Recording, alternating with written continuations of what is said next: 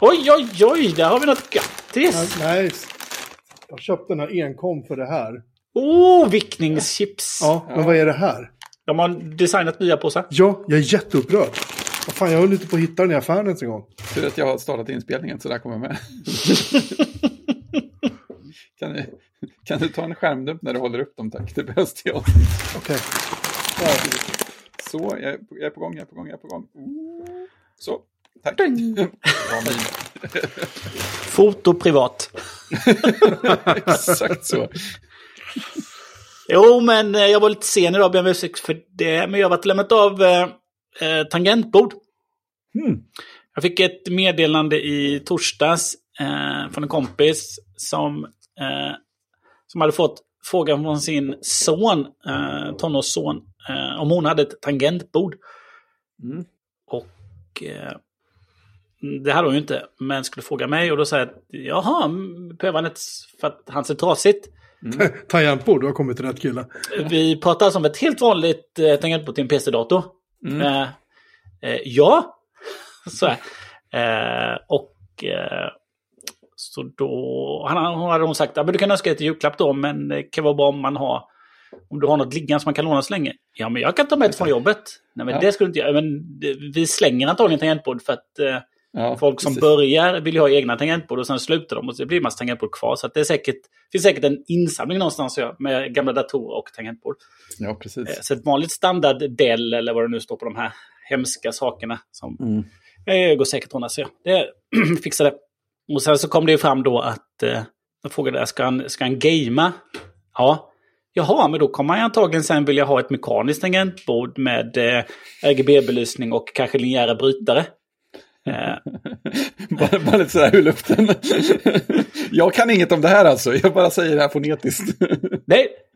Nej, men då kom det en länk eh, till ett... Eh, ett det kom det en mediamärkt länk.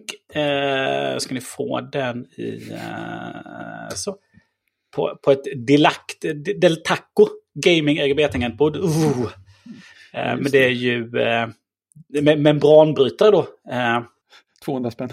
Ja, precis. Kan, kan, man säga, kan man säga att det var ett banbrytande tangentbord? Eh, och då, eh, då, sa, då hade jag lite snabbutbildning i eh, här är inte mekaniska tangentbord.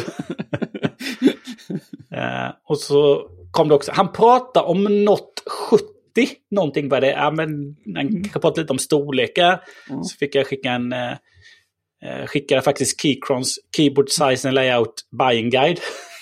och så eh, skickade lite bilder på olika brytare och sådär. Och eh, sa jag att nej, men jag har ju, jag har ju ett, eh, ett mekaniskt. Eh, Så han, jag kan ta med ett sånt också, kan han få låna det? Ja, Men, han, jag har ju, men jag har ju bruna brytare. ja, Eh, Så fick jag förklara skillnad på egentligen då röd, brun, blå. just det. Lite snabbt så. Mm. Eh, Men eh, jag, jag kollar på jobbet. Om det är någon kollega, det är säkert någon som sitter med något som kan låna ut. Så jag skickade ut slacken och så och sa att jag har, jag har ett TKL brunt. Mm.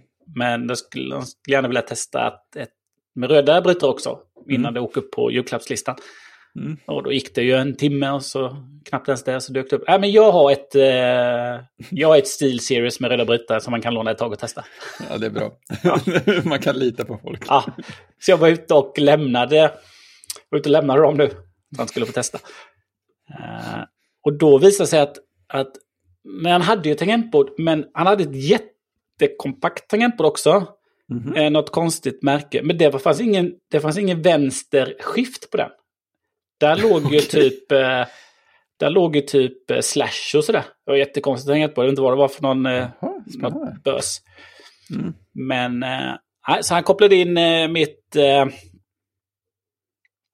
mitt eh, Vanilio, eh, TKL, Mm. med bruna brytare och skulle testköra lite först och sen eh, testköra det, Det med röda då. Man måste Ja. ju liksom sådär, känslan utan att göra någonting så tyckte han att men bruna känns ju najsast. Ja, Så, men eh, jag skulle testa. Men jag sa du får ju sätta upp ett eh, hot swappable också sen så du kan byta brytare sådär. Ja, det, ja, det måste jag göra. Jag känner att du kom in och satte nivån här på ett underbart sätt. Ja, men man kan inte få ett membran-tangentbord eh, för 199 spänn. Det funkar inte sånt där. Nej, det är sant. Nu ska vi testa. Ja, nu här har du mekaniska brytare, två basic tangentbord. Det är bara att testa och så uh, ge dig in i den världen. Precis. Eh, så att, eh, det var jag ute och lämnade. Eh, ha, en annan sak som jag ska lämna eh, är ju Pixel Pro nu. Nej, det är dags för det nu. Den ska tillbaka, den är nedpackad igen i, eh, i kartongen. Ja. Ja, har du kartongen kvar så får du gärna skicka med den. Nej, nej, attans. Alltså, kartong, kartongen har jag kvar, men telefonen minns jag inte. Just det, jag kunde ha svurit på att den var här någonstans. Ja. Undrar om de hade, eh, liksom, hur eh, snabb respons de har om du hade skickat tillbaka kartongen utan något innehåll. ja, konstigt. Jag kanske bara skickat vidare den till någon annan recensent och sen så bara, du, jag fick bara en tom kartong. Mm, undrar var den kom ifrån. jag tänker de har ändå, säkert inte ändå hjärntracking på själva kartongen. Möjligen telefonen, men inte... Ja, möjligt telefonen. Så att, äh, den är nollad nu och eh, eh, ihoppackad och jag fick en fraktsedel mejlad till mig så att eh, i veckan så skickas den iväg.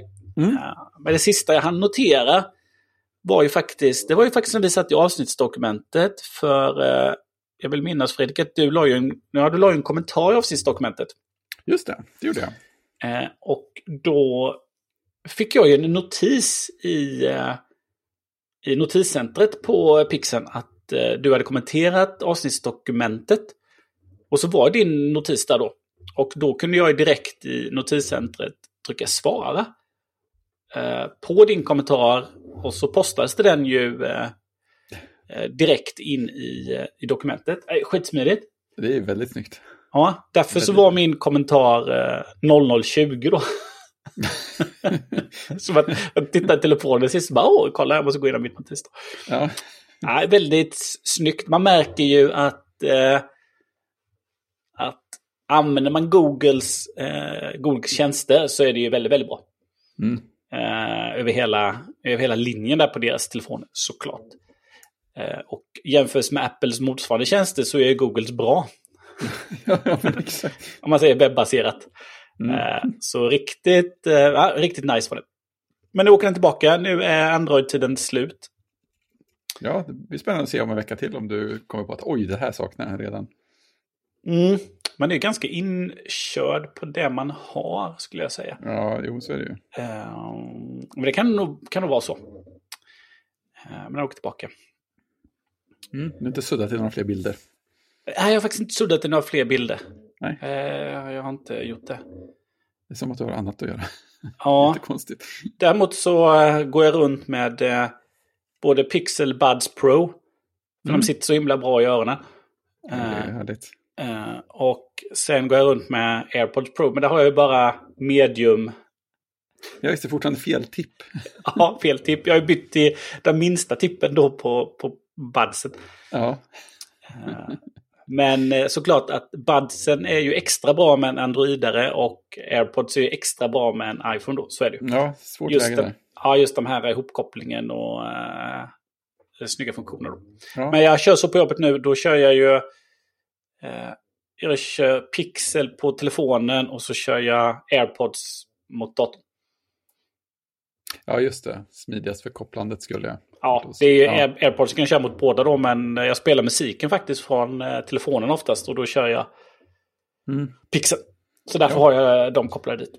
Och sen om det är någon som ringer på Teams så byter jag. hade jag däremot haft bara eh, AirPods så hade det nog gått smidigt att flytta också, tänker jag. Eh, Mm. Men eh, de sitter inte riktigt hundra, eftersom jag inte har lilla tippen än. Nej. Det kanske går att beställa reservtippar antagligen för Ja, men det jättemycket gör pengar. det. Det gör det. Jag, jag gjorde det när mina gick sönder, gjorde de ju faktiskt. Ja, det ser jag kanske. Eller en av dem. Mm. Jo, det går. Ja. Men det jag kommer sakna mest är nu att jag sitter med Apples då, eh, Magic Keyboard, det lilla, hemma. Ja, just det. Eftersom att jag lånat ut mitt eh, mekaniska. Så att, Ja, eh, stor omställning. ja, hemmakontor vill jag inte sitta vid nu. Jag får gå Nej. till jobbet för där har jag eh, mitt st- stora då. Just det, det värdiga tangentbordet. ja. Det står här Jocke i avsnittsdokumentet att du har en cliffhanger sen förra veckan. Ingen som vet vad den är längre eller? Precis, Eh. det är jättespännande. Ja, Ja, ja, jag kommer faktiskt jag kommer inte ihåg om jag ska vara ärlig. det kanske finns här i avsnittsdokumentet. Men ingen vet vad det är. Jag bara kommer ihåg att du sa det att Nej, men det tar vi nästa vecka och då ska Ja, jag. Jockes cliffhanger. Ja, Nej, jag, jag, jag förlåt, jag kommer faktiskt inte ihåg vad det var. Nu, nu är det så länge sedan vi spelade in. Så att, Ja, precis. vidare till nästa vecka. Då kanske det får vara en det. cliffhanger ett tag till så får vi se om jag kommer på det. Ja, jag skulle gissa att du kommer på det efter avsnittet och sen glömmer bort det lagom till Eh, nästa inspelning. Det hade jag gjort. Precis. Eh, nej men eh, en annan sak som dök upp. Eller det, först dök det upp för mig i eh, att Fredrik skrev det och sen såg jag även mejlet att Ark, Ark då, till dagen till ära så kör jag faktiskt inspelningen i Ark istället för i Edge. Det kan man göra. Varför har inte jag gjort det innan? Jag vet inte. Det kanske inte stöddes innan.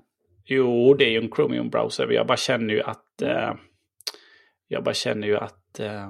Jag ville köra Ark bara för att det står avsnittsdokumentet. Det var länge sedan jag körde Ark. Nej, men de ska bygga sin eh, browser i, i Windows. Ja, precis. Och det kan man ju tycka att eh, det är okej. Ja, det är ju Eh, rimligt. Men nu kommer twisten, Fredrik. Ja, de, de eh, skrev ett långt...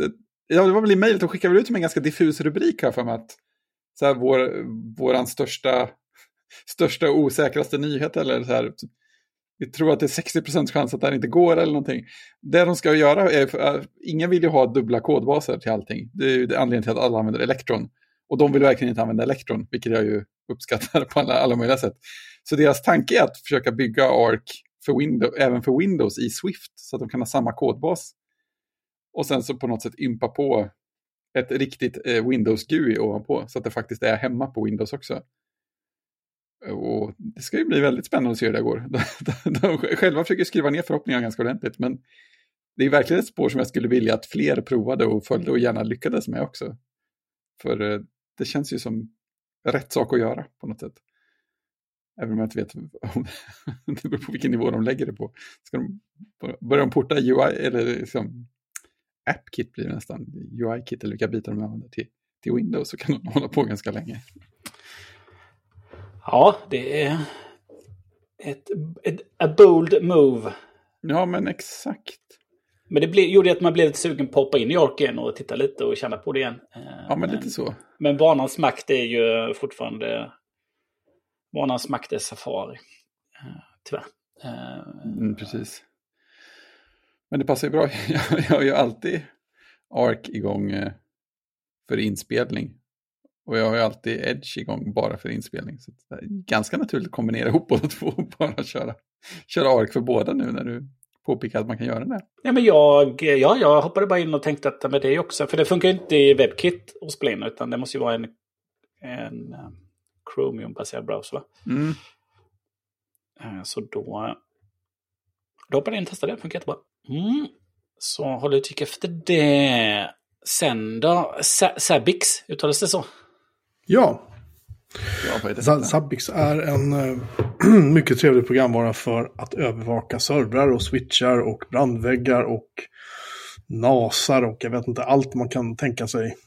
Ehm, och den, ehm, när jag satte upp mitt Pimax-kluster i somras så fanns agentprogramvaran, det vill säga där man installerar på saker man, alltså på Linux-maskiner exempelvis, man vill övervaka. Den fanns för ARM64-arkitekturen, det vill säga Raspberry Pi och liknande. Men den fanns, servern fanns inte. Den fanns bara för X86 eller X64 eller vad vi ska kalla det för.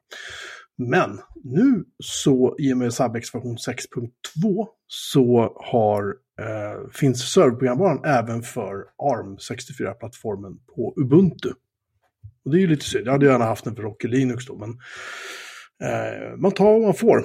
Så att om man kör eh, Ubuntu 22.04 eller 20.04 så eh, kan man installera SubEx-servern och det har jag gjort och sen har jag satt upp Grafana för att få lite fina grafer. Jag ska se, jag kan skicka en liten bild till på vad jag har gjort. Eh, väldigt fint blev det. Eh, vad gör man? Kan jag göra det i, det kan jag göra här i Zencaster va? Ja, det kan jag. Nej, det kan jag inte alls. Då. Så, iMessage. Messages. Förlåt. Ja, men det är programmet som heter det, men tjänsten heter nog fortfarande iMessage. Det kanske den gör, jag vet inte. Hur som helst, jag skickade en bild till er. Um, där kan man Åh, se titta. då, ehm, ja, lite allt möjligt. Godis. Sådär.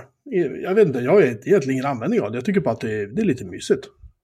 Det är lite fint. Jag skulle gärna haft så här en skärm hängande på väggen med det där visades jämt. Men Ja, visst. jag kan inte riktigt motivera strömförbrukningen för att jag är så Ja, jag är medveten om vad ström kostar nu för tiden. Av naturliga skäl. Du behöver en OLED-skärm alltså. Ja, det- jag vet någonting. En e-bläckskärm. Fint är det i alla fall. Den, den Jag håller på med en liten bloggpost om detta. Så vill man läsa om det så kan man titta, titta in på min blogg vid tillfälle. Mm. Och sen eh, har jag gjort ett höftköp. Inte riktigt. Ja, det är ett köp. Jag skulle inte kalla det för ett höftköp. Det här har jag gått upp och funderat på väldigt, väldigt länge. Men det är som Eh, att, och du jag- inte, har- men som att du inte har berättat det för oss och det för lyssnarna. Så kommer det ju uppfattas som- ett höftköp. Det förstår du va? Så här är det. Det ligger något i det. Eftersom jag, eftersom jag då sedan fyra månader drygt har en, har en flickvän och vi eh, försöker ses oftare så är det så att jag...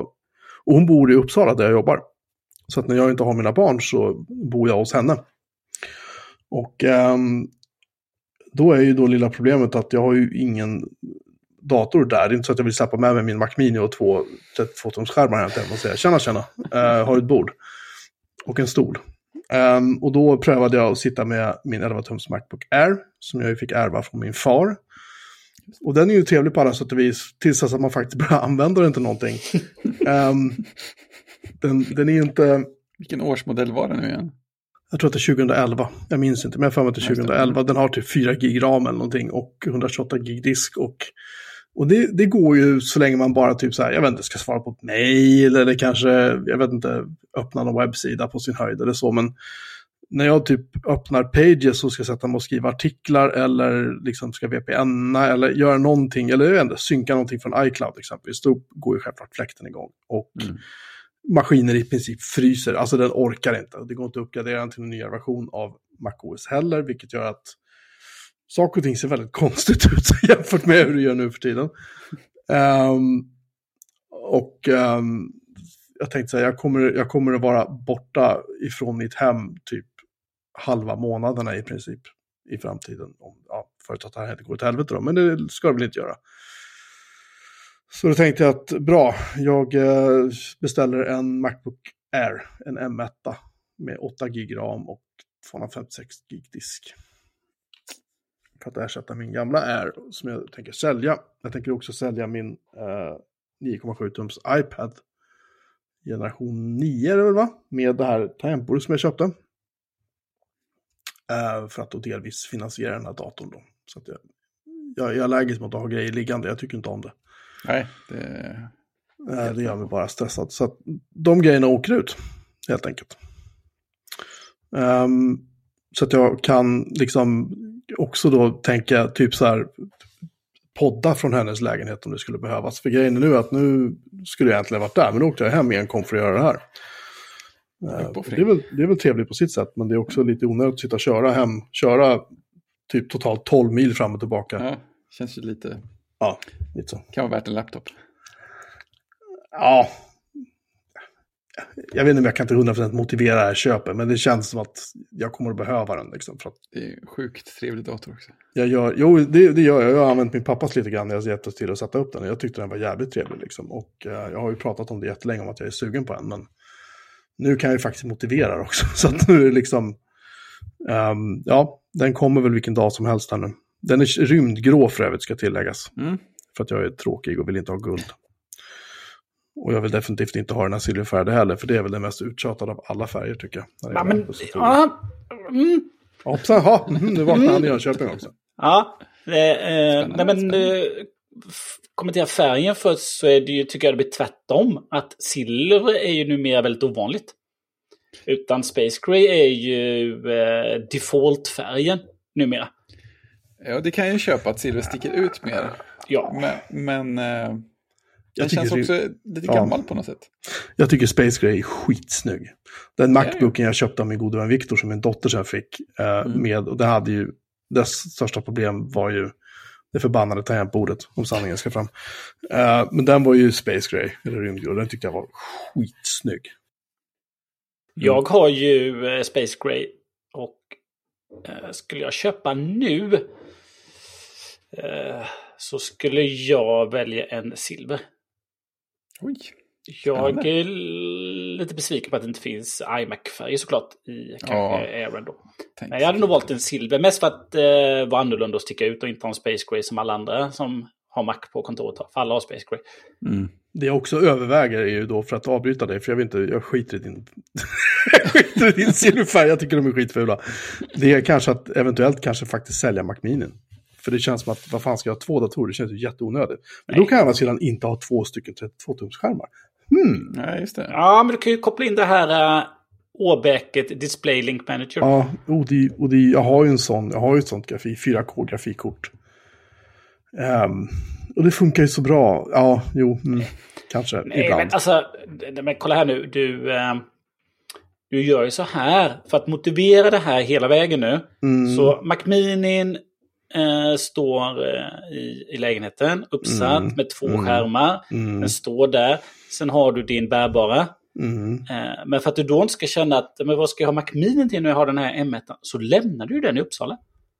Mac Minin? Jag menar, um, Airen, laptop läm, menar jag. lämnar du den i Jag Uppsala? min, så, jag min 11 tums R ligger i Uppsala nu. Så att, Ja, precis. Och så Ja. liksom, då har du motiverat hela vägen. Jag behöver två datorer. Jag behöver en stationär hemma med mina två skärmar.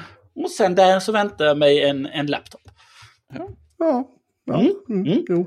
Ska jag säga som inte köper några datorer alls, men eh, jag hjälper dig att motivera dina köp. Ja, det, det är snällt av dig. Tack så mycket. Ja. Ehm, ja, det, det känns som att i den här ekonomin kanske inte är det smartaste att göra. Men, men eh, nu har jag gjort det. Så att jag, jag, jag, jag, står, jag förstår mitt kast. Det var mycket, mycket, mycket vånda ska jag säga innan jag klickar på köpknappen. Eh, men vad ligger, ska jag se, 256 hårddisken, ett, ett pin och lupp där va? Den kostade... Vad köpte den? Jag köpte den från eh, power.se. Det var de som var billigast. Det jag mest nyfiken, medan du plockar fram det så vill jag ju nu då att du tar den här och så installerar du Microsoft Teams Nej, och så installerar du eh, nej. eh, och så Nej. går du till en fet Gira-sajt. Mm, jag har ingen gira. Sorry. Och sen så har du ett videomöte med mig där du skärmdelar eh, Gira med ett par tabbar uppe. Och så får vi se hur den klarar av det så jag vet hur en 8 giga beter sig. Det är alltså då en uh, M1 13 tum 256 gig rymdgrå, snyggaste färgen. Aha. Fredrik klipper bort allting annat som Christian säger efter det. Eh, 8 gig ram eh, och den kostar 11 990 hos power.se. Fruktansvärt trevlig maskin. Jag tycker den är sjukt prisvärd. Ja, om jag hade gått upp till 16 gig ram så hade det ju, då hade det ju kostat eh, mer. Kan vi säga. Ja men så är det ju. Men, men det, det är så här, jag kan ärligt säga att min, min uh, Mac Mini, vi har ju pratat om det här så många gånger, men min Mac Mini med, med eh, 16 gig ram, det är inte så att jag har känt på något sätt att shit, vad mycket, vad bra, jag använder allt det här minnet. Nej, det gör jag liksom inte. Utan jag faktiskt bara, jag kör princip ingenting som käkar upp allt minne. Det är väl när jag startar Chrome vi ska spela in det här ungefär. Då, då, tar, då kan det ta emot lite, men i övrigt så är det så här, eh. Ja, men det är ju så, jag har ju tänkt på det också. Jag kan spara lite tid på ett ämne längre ner här. Jag har haft med mig Aaron när jag var borta på min Air för, när jag var borta på konferens förra veckan. Det är trevligt. Det är, det är vansinnigt trevligt. Ja, men det är ju så här, man, kom, man, kom, man kommer in i det här eh, iPad eh, användningsmönstret. Att säga, ja, men jag plockar fram den när jag behöver den och så använder jag den typ av och till exakt hela dagen. Och sen så, ja, man lägger på locket när man inte använder den, så tar man upp den igen. Och sen så, någon gång ibland när man kommer tillbaka till hotellrummet sent på kvällen så sätter man i strömsladden så här. Och sen, sen kör man på. Det är ju fantastiskt bara det. Och så bara står den där och är tyst och bara gör allting jämt. Ja, vi ska se här nu. Om jag hade köpt samma dator från Apple så hade den kostat 13 500. Jäklar. Det var, det Så var, det är en viss skillnad i pris. det var värt att jämföra pris. Ja, verkligen. Och uh, ska man ha den med 16 gig ram hos Apple så är det alltså 2 500 extra. Ja, just det. 16 000 spänn. Mm. Men kan det vara så då att de här hade några från det gamla. De har köpt in från Apple tidigare, haft i lager och så kan de ändå ligga billigt. Som att de inte behövt köpa dyra från Apple. Eh, troligtvis. Jag Ja. tittade ju på flera som jag såg att Amazon hade också. Vi ska se, Macbook Air M1. Där ska vi se. Power, eh, Mediamarkt, Amazon har samma pris. Eh, Mediamarkt hann jag inte få någon ren princip och eh, ja, jag vet inte. Det kändes bara konstigt att köpa. Jag har handlat från Power förut, jag tycker de är, de är faktiskt en helt bra, helt okej butik. Jag köpte min NAS därifrån också. Annars ligger de där 11 990, 12 och halvt, 12 8. Sådär. Mm. Ja, bra köp. NetOnNet 12 och halvt med 8, ja det är exakt samma maskin. Fast den är i, i, eh, i guld. Den har en rymdgod till samma pris. Ja, nej, så att det det är, så blev det. Ja, väldigt trevligt köp. Ja, jag har testat att sätta upp en VPN-server hemma, VPN in och liksom funkar bra. Det kändes att det här är nice liksom. Synka ner allting via, via iCloud och det gick bra. Så att jag återkommer med någon sorts, eh, jag vet inte. Laptop Fredrik har redan pratat all, om, om den jättemycket så att det finns ju inget nytt att berätta där direkt. Men Det, här, det är upplevelsen man vill prata om. ja, jag menar det. Det kan vi prata om. Det kan jag ta upp när jag har fått det. Exakt. Så ska det låta. Tänkte jag.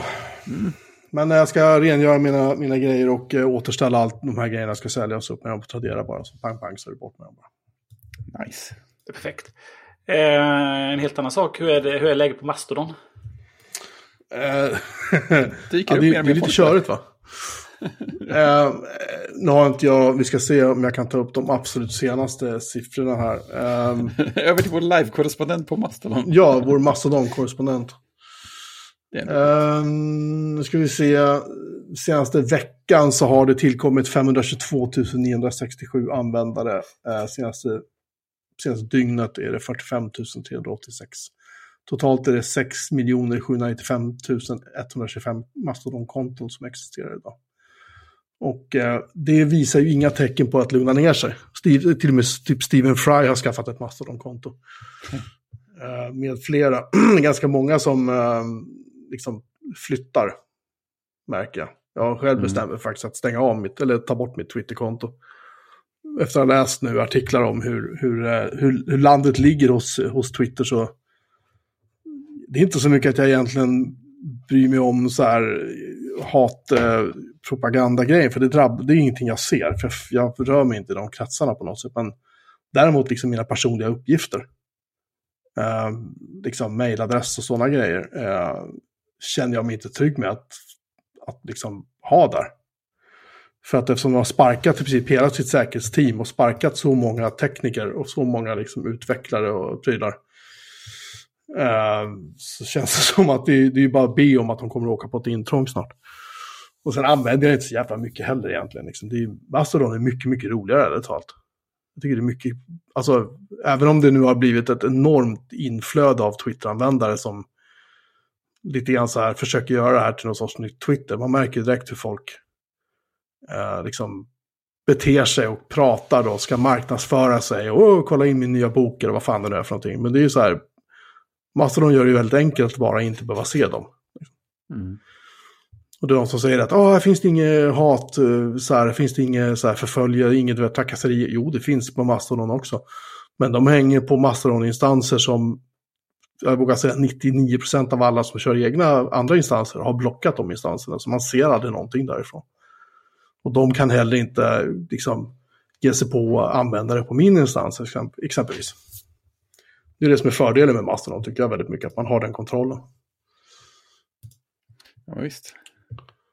Eh, Men det, det är ett enormt tryck. Det är många, jag vet, eh, Jonathan Soleas som jag jobbar ihop med, han, han, han fick ju biffa upp hans, han kör ju eh, mastodon.linux.pizza eller någonting. Han fick ju stänga av så här för nya användare, för han sa det här går inte. Hans server gick på knäna liksom. Och Mastodon.social, de fick ju biffa upp ordentligt. Eh, Mastodon.nu tror jag det är som är en av de svenska instanserna, de fick ju gå ut på Patreon och säga hej, kan ni snälla hjälpa oss liksom. Mm. Så de massa människor som kastar pengar på dem så de kunde skaffa sig en fetare server. Jag har blivit erbjuden faktiskt att flytta min Mastodon-instans till en Linux-server som min vän Viktor har. Han har hyr en fysisk server, han slängde upp en VM åt mig på den. Som jag kan flytta den till, som jag nog kanske kommer att göra. Jag vet inte. Mm. det funkar rätt bra på min Raspberry Pi faktiskt. Jag verkar pu pusta på rätt bra. Ja, jag vet inte. Christian är ju där ibland och postar saker. Ja, jag är inne. Nej, men det är ju... Eh, alltså, Twitter och Mastodon är ju egentligen två helt olika saker. Mm. Eh, liksom, Twitter är liksom eh, ett företag som äger en plattform. Mastodon är ju liksom, eh, liksom en federerad plattform. Och det finns ju kanske inte någon egentligen just nu någon stor kommersiell aktör överhuvudtaget. Så att, för, för, att det känns väldigt lika men under ytan så är det ju väldigt olika. Men så det ska bli spännande att se vad som händer. Hur många av de här användarna som kommer som kanske stannar kvar då. Det blir väl en, en, en del som gör det. Men den stora frågan är ju vad händer med, med Twitter då? När Elon eh, avskedar halva styrkan eh, på ett väldigt märkligt sätt genom att eh, säga att är ni på väg till kontoret kan ni vända och åka hem igen. Har du fått ett, eh, har du fått ett mail på din privata mail så är du avskedad. Mm, ja. Och sen märker då att eh, har plockat bort vissa team som gör att oj, det här var inte bra. Då. Eh, häromdagen läste jag att eh, tvåfaktors autentisering med eh, via sms inte funkade. Nej, då, via, då, har de, då har de bara dödat på något sätt. Ja, via mail så funkar det tyvärr. Så att, eh, logga inte, in, logga inte ut, för du kan inte logga in igen. Nej. om, du inte, om du inte har ändrat det där. Eh, och även tydligen fick väl hela det, om man säger säkerhetsteamet, gå då som eh, sköter ganska mycket om modereringen då. Ja, och sen kom de på två dagar senare att oj, då, äh, vi kanske måste be några komma tillbaka som vi just har sparkat. Ja, precis. Äh, och intresset från de människorna var ju, det var ju ljummet, om jag uttrycker milt. Mm. Ja, det uh, tror jag det. Alla som jobbar med deras uh, alltså marknadsföring mot annonsörer, de har ju fått sparken. Så det, det satt människor i möten med Elon Musk precis när han hade tagit över och, och uh, sa att nej men fan allt är lugnt, bla bla bla. Och sen några timmar senare så här, jobbar inte de på Twitter längre, vilket har gjort att jättemånga stora annonsörer har ju fryst eller helt tagit bort sina annonsbokningar, vilket gör att han blöder ännu mer pengar. Jag lyssnade på... Äh, på vägen hem nu, jag lyssnade på halva avsnittet av Social by Default, eh, där de pratar om eh, Mastodon Twitter. Och tydligen finns det i USA så finns det en sån här Media Week, där stora varumärken kommer och säger hej eh, New York Times, hej Twitter, hej Facebook. Vi, vi vill köpa liksom, annonsspotter för, för 2023. Vad, vad får vi betala? Ja, men köper ni så här mycket så blir det här priset. Ja, men taget. Mm. Eh, och enligt vad de sa i podden där så brukar Twitter då få in 40% av sina annonsintäkter på den veckan då. Mm. När varumärkena kommer. Eh, I år så fick de in noll. Det, det är ändå mindre. eh, ja. Eh, så att eh, det har ju, alltså de stora byråerna har ju gått ut, eh, bland annat Apples, den byrån som Apple anlitar då, Eh, att nej, varumärken, eh, håll inne era, era annonspengar. Mm. Tills, tills ni vet, tills man vet vad som händer då. Ja. Eh, men också Twitter själva då, de är ju borta, de är inte noterade längre så att insynen har ju blivit mycket, mycket mindre då. Elon Musk gör ju vad han vill, han rapporterar ju bara till sig själv och sig själv endast. Men de har ju själva sagt då att de har ökat användarantalet jättemycket. Eh, Just det, det ser de. Eh, men däremot de som, jag hörde också det från Social by Default, att de som mäter om man säger hate speech och sådana saker eh, på plattformen så är det ju ökat. Då. Vilket kanske inte heller lockar till sig annonsörer. Kan man Nej, väl säga Eventuellt då. inte då. ja, men, ja, men allt är ju... Det känns som att eh, det finns ingen plan utan allt är Nej. från höften. Snacka om uh, att göra höftsaker och känslostyrt. Där, där, där Christian kan du snacka om ett höftköp. Ja. ja. Nej men alltså det här bara då, eh, och det, det blev ju komik i det. När liksom, ja men, eh, ja men Twitter Blue då så får du din eh, verifikationsstämpel. Ja men det ska kosta typ 40 dollar. Och så säger Stephen King, nej men, men då drar jag. Ja, precis. Eh, och så säger han, Eh, och så säger typ Elon Musk, men 20 då? Ja men 8. Ja, 8 dollar kostar det nu.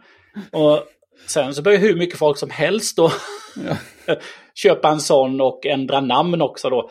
Så alla heter ju Elon Musk och han blir jättesur på det och blockar massa stora konton som har bytt namn. Ja, Eh, och det var ju en skärmdump jag såg, någon som hette Christmas, som skrev Elon Musk vill inte heta Christmas. Nej men det är lugnt, nu kan du ändra ditt namn och ändra namn till Elon Musk. precis. ja, men hela, hela den grejen har blivit dåligt skämt. Eh, Jag såg ju att eh, Marcus Brownlee eh, la ut då att han hade ju sin blåa som vanligt och sen hade han även under då i grått, grått på grått kan man säga. Eh, står det en ny sån där det står official då. Mm. Eh, vilket blir liksom verifiering på verifiering. Och då, liksom en tweet från Elon Musk sen. Ja, men jag har stoppat den nu. I killed it. Ja, så var det borta. Och eh, sen kunde inte iOS-användare då signa upp och få eh, köpa verifikationen sen. Eller, men de ändrade ju betydelsen. Den blåa stämpeln betyder inte att du är verifierad. Utan den betyder att du har betalt för Twitter Blue. Då. En enda röra just nu. Ja, så... Väldigt, alltihop. väldigt eh, rörigt. Eh, ja, och eh, alltså det, dels att han inte är konsekvent och dels att han liksom beter sig som en... Alltså, stora sådana här varumärken vill ju inte... Alltså det var ju någon som hade, hade registrerat Twitterkontot Nintendo of USA. Mm. Köpt en blå bock till det och sen lagt upp en bild på en Mario som pekar finger liksom. Precis. Eh, jag tror inte att Nintendo kommer att vilja, alltså de känner nog inte sig asugna på att synas på en sån plattform där de inte har kontroll över sitt eget varumärke på det sättet. Hade liksom, jag vet inte om Apple har börjat dra öronen åt sen, men jag misstänker att de kommer att göra det för att det här är ju liksom, det är ju skandalöst. Eh, hur de, och det är ju det, det är så, där är hans plattform nu. Han gör ju precis vad han vill. Ja, hela Så, tiden. som du sa Christian, och det, det är ju det som är problemet, att folk litar ju inte på att den här människan gör mogna, avvägda val. Sen kan man ju säga vad man vill om liksom, ehm, eh, liksom Twitters gamla ledning. Hur de betedde sig. Men det var i alla fall, ska man säga, det var hyfsat förutsägbart. Det var hyfsat liksom stringent i det att de, exakt. de drev ändå det här som en affärsrörelse. Sen att det var 7 500 anställda, det kan man också diskutera om det faktiskt hade behövts. Instagram innan de blev köpta, när de blev köpta av eh, Facebook, de hade väl typ så här, jag vet inte, 50 anställda eller någonting. Men de kanske inte hade moderering att ta hand om heller, på samma sätt som Twitter har. Men nu är det så här, om, om Twitter-anställda börjar liksom jiddra med Elon Musk på Twitter, då får de sparken. Um, Group M, som är den största, världens största mediebyrå, för att köpa annonsyta åt, åt andra företag, säger att Twitter är liksom, det, det är en hög risk att köpa annonsplats där. Och om de säger det, eh, då, är, då, tapp, då torskar de pengar, alltså massor med pengar. Ja. Um, alltså att det finns, det finns, alltså vi hittade en sajt som heter twitterisgoinggreat.com. Det var skitbra, för där är det så här väldigt bra summerat på Mm. hur, eh, eh, vad som händer. Och där finns bland annat den här eh, bilden då på Nintendo of America med sin verifierade med sin verifierade bock. Ehm, då när ehm, när Mario då pekar finger. Men det är så roligt för att det gör ju att man, man kan ju inte ens, man, första reflexen är ju inte ens ta det han själv skriver på allvar. Om någon postar en bild på ett tweet från Elon Musk så här, ja, vad är chansen att det här är dumt på det sättet som han skulle skriva eller dumt på någon som vill driva med honom skulle skriva sättet?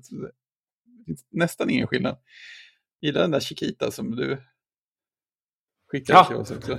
Ja, Ja, men en ändå större grej som blev en stor grej i USA, det var ju eh, någon som eh, eh, skapade ett konto eh, som, eh, som utger sig att vara Lilly då. Eli Lilly, en company som tillverkar Ja, insulin. Ja, ja Eh. den, den var riktigt... Oh. Som då skrev att eh, insulin blir gratis. Och aktien föll, pang, 4 procent. eh, och, eh, eh, och då hade de ju till och med eh, deras riktiga Twitterkonto är Lillypad. Så att det låter ju mer fake än, än det som de hade då som var Eli Lilly CO tror jag då. Men det som det gjorde i och för sig då, det satte ju fokus på de helt absurda insulinpriserna i USA då. Som är något helt annat än i Europa då. Eh, som är, de är ju eh, bisarrt höga då. då. Men eh, ja, eh, kan, kan man tänka sig att, att i vågen av det här eller i efterspelet det kanske blir några stämningar mot Twitter. Eh, på grund av det här då, som att eh, på deras plattform så har vem som helst kunnat utge sig från att vara vem som helst. Eh, med en, liksom en symbol som har varit en, en verifiering och han själv sagt att alla ska kunna verifiera sig. Eh, så att eh, är det någon som kommer stämma eller inte, det ska bli ju spännande. Ja. Vad som händer där egentligen. Eh, nej, det är, man kan säga att det är vilda västern på riktigt just Ja. nu.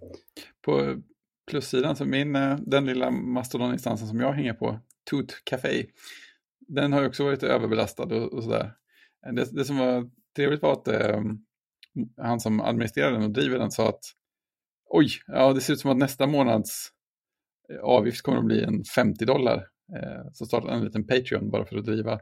Så vi kan in eh, typ 150 dollar i månaden som Patreon-stöd. Och så sa han, aj, det här, det, här, det här är för mycket, ni kan sänka era donationer nu. vi vill bara ha så vi täcker kostnaderna. Men eh, det var ju positivt att det kom in typ direkt. Så folk verkar inte vara helt främmande för att eh, backa upp en instans de använder lite grann. Åtminstone inte där det finns massa teknikintresserat folk. Det kanske är svårare med de där alla så här, bara Twitter, Twitter-lämnare i protest som inte vet något om Mastodon dyker upp.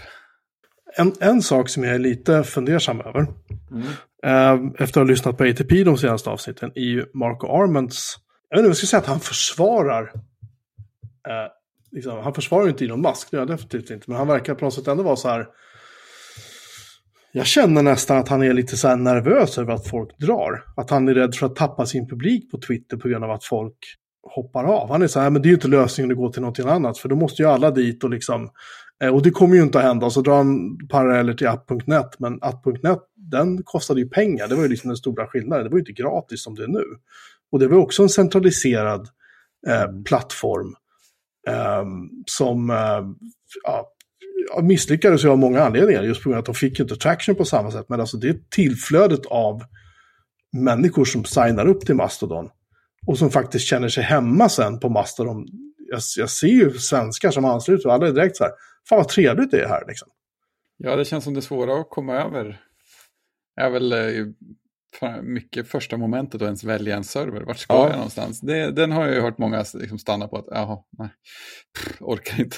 Nej men det, det, det är ju det jobbiga, det kan jag helt hålla med om. Liksom. Mm. Ehm, för jag har också fått frågan, så här, ska jag välja? Bara så här, ja, men, här, reg, gå in på mastodon.se liksom, och regga. Mm. Eller regga det hos mig, eller regga det vad fan du vill. Mm. Liksom. Det spelar ingen roll, det är egentligen bara att man ska ha ett, ett, ett instansnamn som känns schysst. Eh, alltså utifrån vad man själv har för intresse eller eh, värderingar eller vad det än må vara. Liksom. Ja, precis. Um, så mastodon.medin.org, den är ju så här, den kanske inte, det kanske inte representerar vad alla andra tänker att det vill jag synas med. Men det är också lätt, det är också lätt att flytta. Det går ju faktiskt att migrera väldigt lätt från en instans till en annan, om man nu skulle vilja Mm. göra det. Så att jag är så här, ehm, jag, jag tycker mer bara att det är intressant att lyssna på, på Mark Arment, hur han eh, blir liksom mer och mer och mer. Medan alltså, typ Syracuse, han är så här, nej men vadå, det går att flytta om man vill det. Han är ju mycket mer liksom, pragmatisk, kan jag Ja, uppleva. precis. Men Arment är ju lite väldigt- cyniker-rollen på något sätt. Ja, men Arment är väldigt så här, eh, nästan idiotförklarar folk som tror att de kan dra någon annanstans. Jag tycker det är, jag tycker det är lite synd. Det blir lite så här Bagdad Bob för mig liksom. No, no, nothing to see here liksom.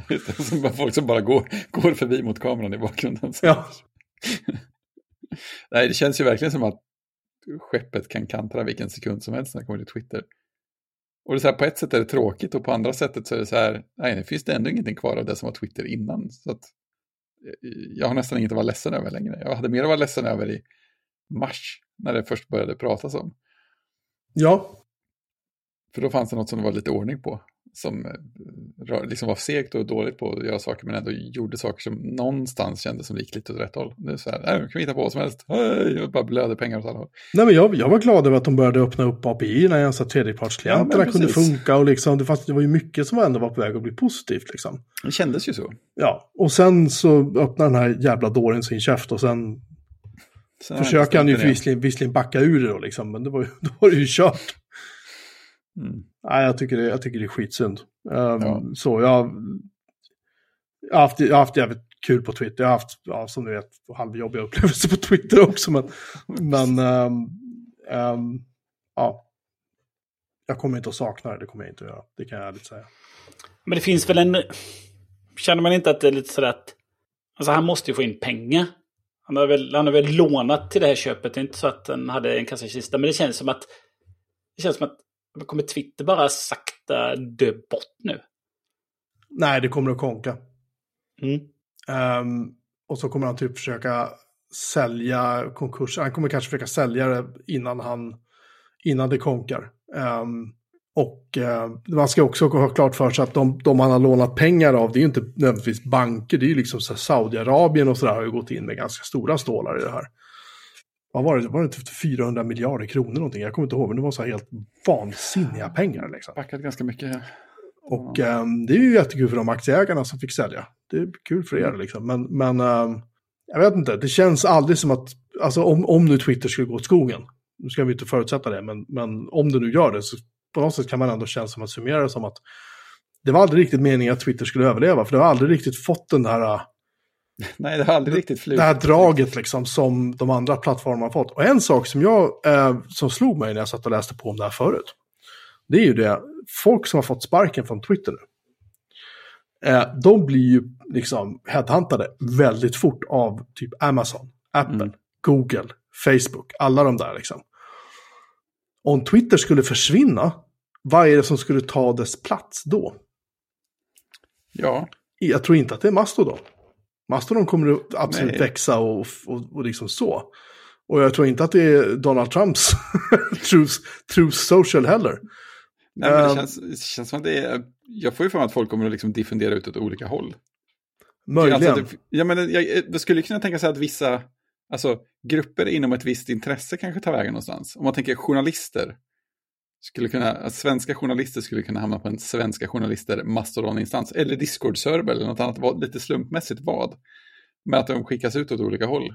Att chansen att alla skulle landa på samma ställe känns ju obefintlig. Äh, sagt, det känns inte som att något kommer att ersätta Twitter. Nej, det, det, är möjligt, men om man ser det ur det här perspektivet, om det är en massa företag som helt plötsligt börjar, menar, om Twitter nu sparkar nästan 3000 pers, mm.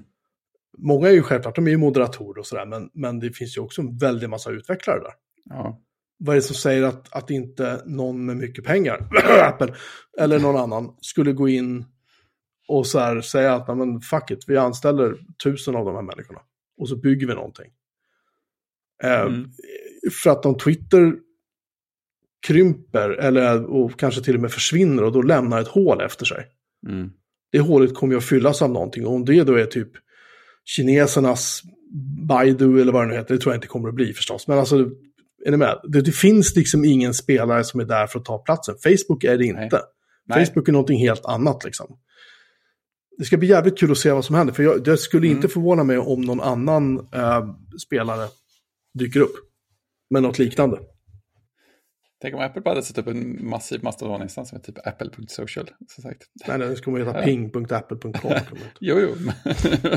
ping Men nu var, vi inne, nu var vi inne på fria fantasier. Ping, ping, ja. Nej, nej, Ping Plus kommer den heta. Eddie Q kom upp på en keynote med en äh, fin skjorta och ska presentera något nytt.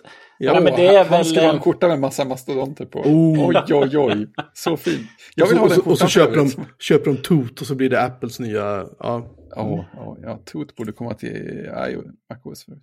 Nej, men det kanske blir att eh, liksom, det finns ju, det finns ju Discord-servrar för specialintressen och vad gör man på Facebook? Man är med i grupper och eh, säger grattis på födelsedagen. Så att eh, mm. eh, man kommer väl säkert, kommer säkert finnas, eh, och det är väl lite sköna med eh, Mastodon också, att om man sätter upp en Mastodon-instans som kanske har ett lite mer specialintresse eller något sånt där så behöver man inte ta in, man behöver inte federera in eh, annat. Utan man kan ju liksom låsa ner det ganska mycket också. Ja, det, kan, liksom, det kan man göra. Ja, så man kan ju bestämma vad eh, sin Mastodon-instans ska vara också. Eh, sådär, så att, eh, men det, försvinner Twitter så blir det nog... Eh, alltså det största det är ju vad ska journalisterna ta vägen? Ja, exakt. Det, det, börjar ju faktiskt dyka upp. Jag har sett fler och fler svenska journalister börja dyka upp på Mastodon nu.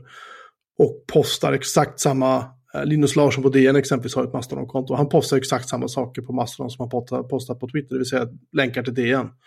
Och någon kommentar här och där. Och jag tycker att han är en otroligt begåvad journalist, så det är inte det. Uh, men det här jag känner, där kan jag känna lite grann att, att Twitterfolket, som jag kallar dem för, lite, ned, ned, lite nedlåtande, kommer in och försöker liksom fortsätta på samma stil. Och det jag har gillat med Mastodon och det jag också gillar med app.net det var, det var just att det var inte Twitter, det var någonting annat. Det var lite mer personligare, det var lite eh, lugnare, lite trevligare, roligare, personligt, kalla det, kalla det vad du vill. Liksom. Det, det var, var, som in... internet var från början? Ja, eller som 99 Mac var som början, eller kalla det vad ni vill. Liksom. Um, det var lagom. Mm. Uh, och jag, inte, alltså, jag, tror inte att, jag tror att Mastodon har nytta av den här enorma tillväxten de har just på grund av att lite grann som ett fuck you till Twitter, liksom, men också lite grann att, att varumärket i sig stärks. Det är jättebra. Men det ska bli intressant att se hur eh, innehållet på Mastodon förändras. Jag har ju, den, jag har ju mutat säkert liksom 50-60 pers som, som, som börjar följa mig och börjar posta så här, blablabla, så här liksom prylar som de hade postat som om det vore Twitter. Liksom. Ja, men precis. Jag känner också att flödet redan har ändrats ganska markant. Ja. Men jag, jag följde så oerhört få innan och nu följer jag några till. det... ja, men jag har ju gått ifrån... Vad fan var det jag gick? Jag har ju, jag har ju, liksom, har ju, jag har ju fått 110 följare eller någonting på Mastodon. Det är ju inga mm. siffror alls som man har legat på Twitter med. Men jag hade ju mm. mitt gamla Twitterkonto som jag hade, jag hade väl ett par tusen följare liksom.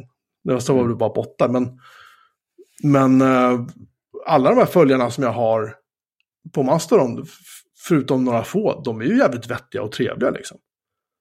Mm. Det är ju ingen som jag känner att den här jävla dåren måste jag muta. Jag orkar inte lyssna på liksom.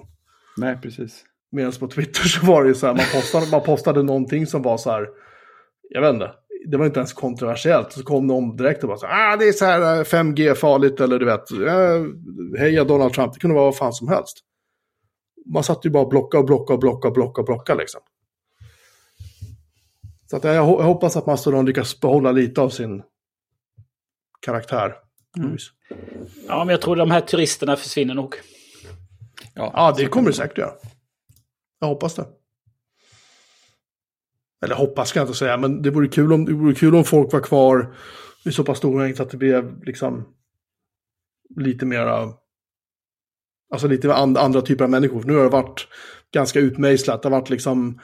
Uh, och nu, jag, nu generaliserar jag jättemycket så att jag ber om ursäkt för det. Men det har varit, liksom, det har varit veganer, det har varit hackers, det har varit liksom HBQT, det har varit, om man går in på japanska massor, så är det så här svinmycket anime, det, är liksom, det har varit väldigt specialområden. Det har varit öar på något vis. Och de här har väl mötts lite grann, men inte jättemycket. Nu börjar ju liksom in i situationstecken Svensson komma in. Så det vaskas ut lite grann. Det, det, tror jag kan vara positivt för plattformen. Jag tror att alla de här kan samexistera. Det tror jag inte är ett dugg problem. Liksom. Och inget av dem, eh, liksom, som jag nämnde, alltså inget av dem är något, det finns någonting negativt för Mastodon. Men jag tror att om de vill ha sin lilla klubb, som du säger Christian, då kan de ha det. Absolut. Men det krävs också att du har jävligt många användare på en sån instans, för annars blir det väldigt tomt och tyst väldigt fort. Liksom. Japp, så är det. Det kan jag tycka. Nej, men jag tycker det är kul. Det är kul ändå att det händer något. Sen sagt, synd, synd om Twitter. Synd alla de som har fått sparken. Men jag tror att de flesta har nog jobb ganska fort. Mm. Därifrån. Ja, det är bara att fortsätta poppa popcorn och uh, följa med vad som händer. Uh, en helt annan sak, vi är fortfarande i uppvärmningen. Det är fint. Mm. Det börjar bli som follow-up på, på ATP. Ja, jag, menar, jag siktar på ja, ett helt follow-up avsnitt. Eh, jo, något som jag tyckte var, var kul eh, ja. var ju att jag läste att eh, Windows får stöd för iCloud Photos. Och det ja. kan man ju tycka, det är ju eh, inte, inte, en, dag, inte en dag för sent. Eh, stackars alla iPhone-användare som inte kör Mac. Mm. Och som sen liksom vill använda sina eh, bilder på, på datorn. De har aldrig kunnat komma åt sina bilder, är det så? Ja, och iCloud.com eller så har man fått koppla ja, in någon kabel och kanske kunnat på något sätt ladda ner dem. Sweet. Men nu är det väl så att Fotos-appen i Windows, alltså den inbyggda medskickade Fotos-appen får stöd för iCloud Photos. Ja.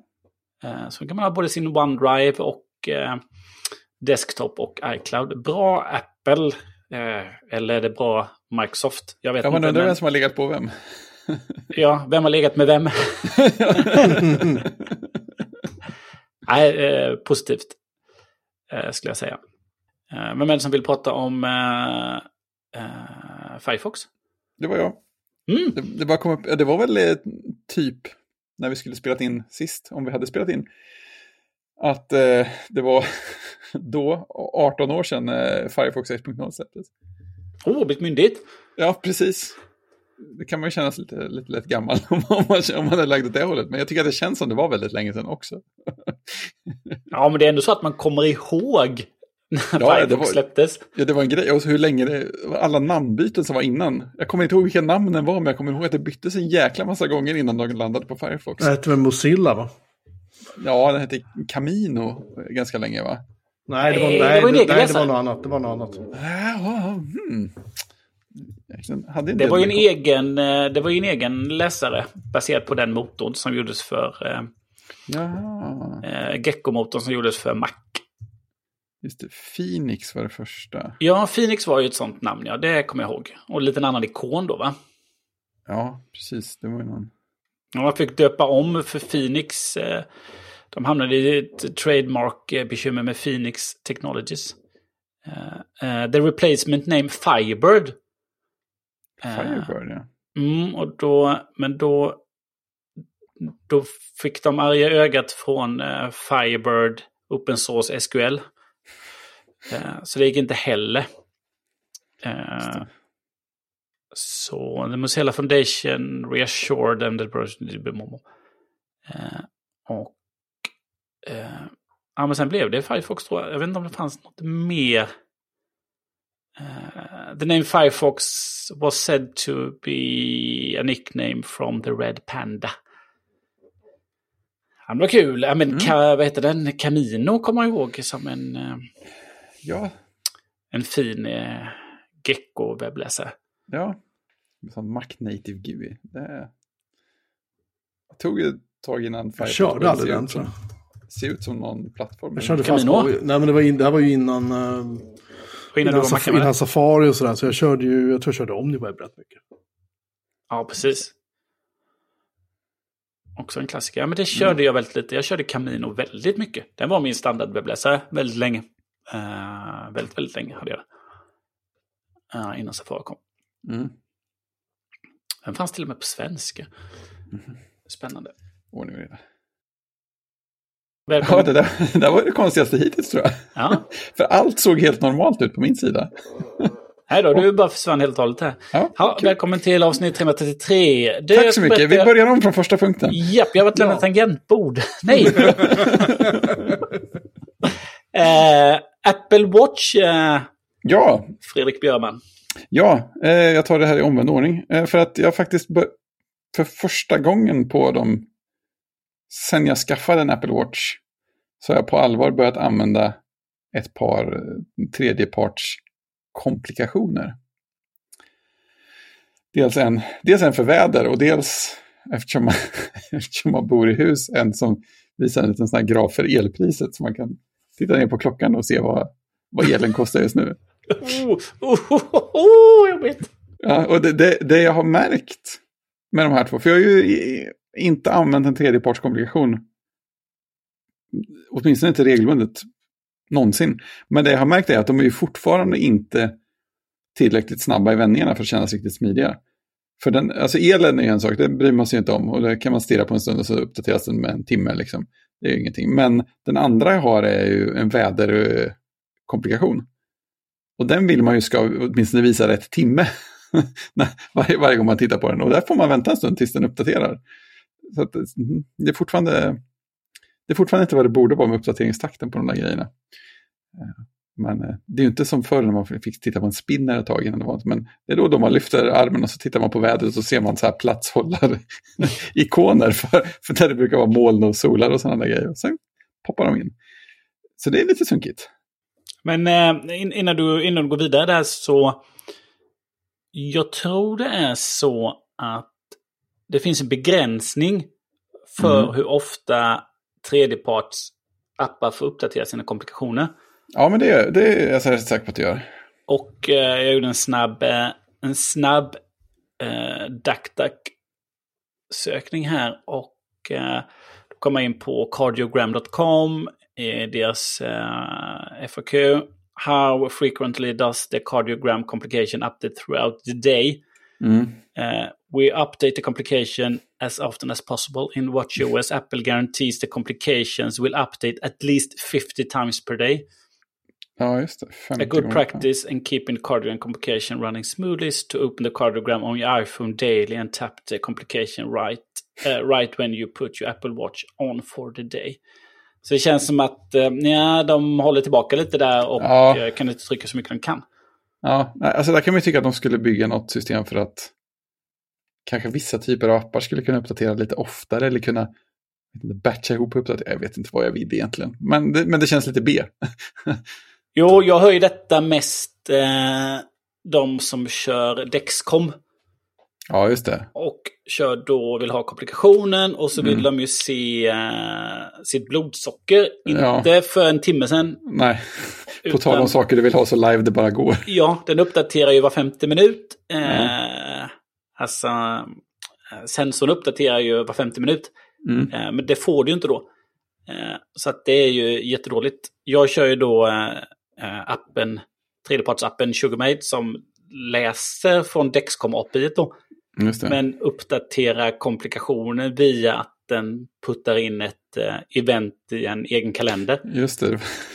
Och den kalendern får ju uppdateras jätteofta eftersom att det är Apples egen. Ja. Så det är enda sättet att komma runt det. ja, det är rätt jobbigt att man ska behöva göra ett sånt tack. Och Och här tycker man, också. ja, och här tycker man ju då att eh, vissa typer av appar eh, borde få en gräddfil.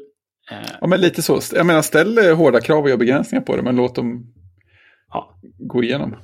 Och eh, framförallt kanske då eh, officiella appar. Mm. Om man säger Dexcoms egen app borde få en komplikation som kan uppdateras var femte minut. De, de, de som har verified-bocken menar du? ja, precis. 8 dollars. Precis. Nej, och sen så har jag återupptäckt hur trevligt jag tycker det är med väldigt, väldigt eh, rena urtavlor.